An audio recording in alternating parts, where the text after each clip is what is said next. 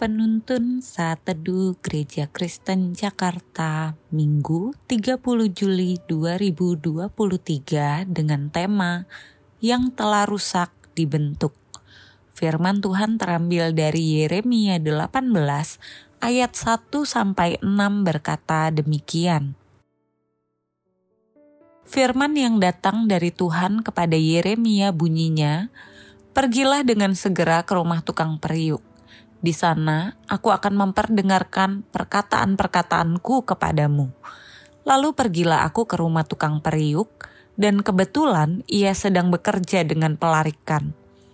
Apabila bejana yang sedang dibuatnya dari tanah liat di tangannya itu rusak, maka tukang periuk itu mengerjakan kembali menjadi bejana lain menurut apa yang baik pada pemandangannya. Kemudian datanglah firman Tuhan kepadaku bunyinya. Masakan aku tidak dapat bertindak kepada kamu seperti tukang periuk ini, hai kaum Israel? Demikianlah firman Tuhan.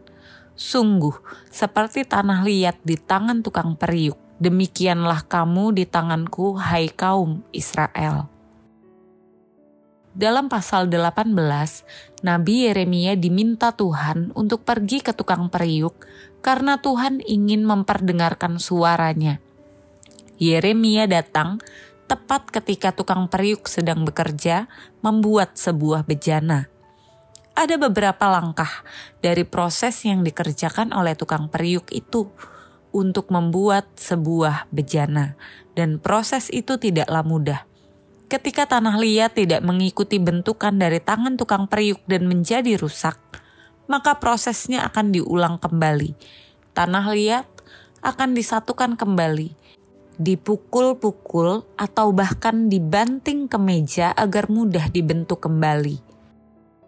Tuhan membawa Yeremia untuk belajar dari tukang periuk karena Tuhan ingin memberitahukan bahwa manusia memiliki proses kehidupan yang mirip dengan bejana yang sedang dibentuk. Seperti tanah liat tidak secara otomatis berubah menjadi bejana yang indah, tetapi tanah liat harus melalui beberapa proses sehingga dapat menjadi sebuah bejana yang berkualitas.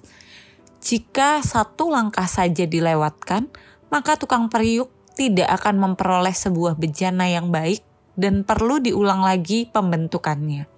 Kita harus mengerti bahwa tidak ada momen dalam kehidupan kita yang bukan merupakan proses bagi hidup kita. Setiap momen merupakan bagian dari pembentukan Tuhan untuk kita menjadi lebih baik dan berkenan. Oleh karena itu, kita harus belajar merelakan hidup kita, memiliki kerendahan hati, dan berserah kepada Tuhan agar hidup kita dapat dibentuk oleh tangan Tuhan Sang Penjunan. Bersyukurlah atas proses pembentukan yang sedang Tuhan kerjakan melalui berbagai macam perkara. Akan ada saatnya di mana kita akan melihat hasil bentukan tangan Tuhan bagi hidup kita dan kita akan bersyukur atas apa yang telah kita alami bersama Tuhan. Di tangan Tuhan Sang Penjunan, hidup kita pasti semakin berkenan.